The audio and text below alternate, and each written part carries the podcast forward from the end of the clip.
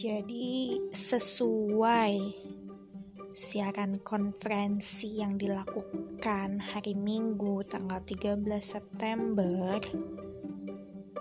Hari ini tanggal 14 September 2020 Jakarta melanjutkan PSBB total.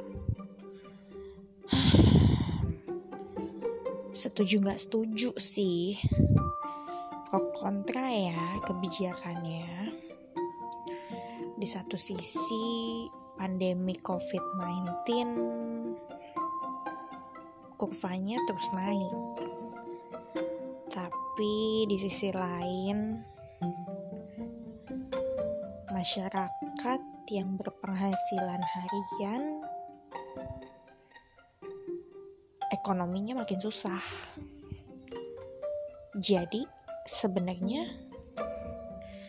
mau perbaiki kesehatannya dulu atau memperbaiki ekonominya juga. Kontra kan? Gak ngerti gue. Kalau gue sebagai karyawan mau kebijakannya PSBB total mau PSBB transisi ya kagak ngaruh. Toh kita tetap kerja juga mau itu work from home kek mau itu work from office kek kerjaan masih sama-sama aja. Gak ngaruh. Cuman emang rasa aware orang-orang entah itu berasa karena udah deket Gak mungkin lah dia nularin penyakit ya kan? Jadinya mereka nggak peduli tuh pakai masker walaupun lagi berkerumun. Bangke kan? Padahal kita sama-sama jaga tahu? Susah sih. Mau gimana?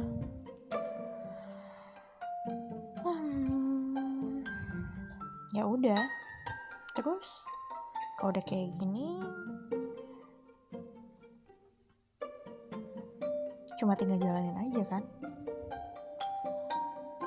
Ada sedikit perbedaan sih antara PSBB total yang dilakuin bulan Maret ya. Maret sampai Juni. Bukan Juni sih. Maret April sampai Mei kemarin. Sama PSBB total kali ini kalau yang kemarin kita mesti pakai SIKM terus pergerakan orang dibatasi. Kalau yang sanksi enggak. Yang jelas kantor-kantor tetap boleh beroperasi dengan maksimal karyawannya dibatasi ya nggak masalah sih. Kalau buat gue lagian gue juga ngekos di Jakarta.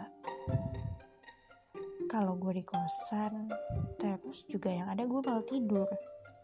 Ya enggak sih sebenarnya kerja juga. Cuman kan nyambi nyambi ya tiduran. Beda kalau kita lagi di kantor.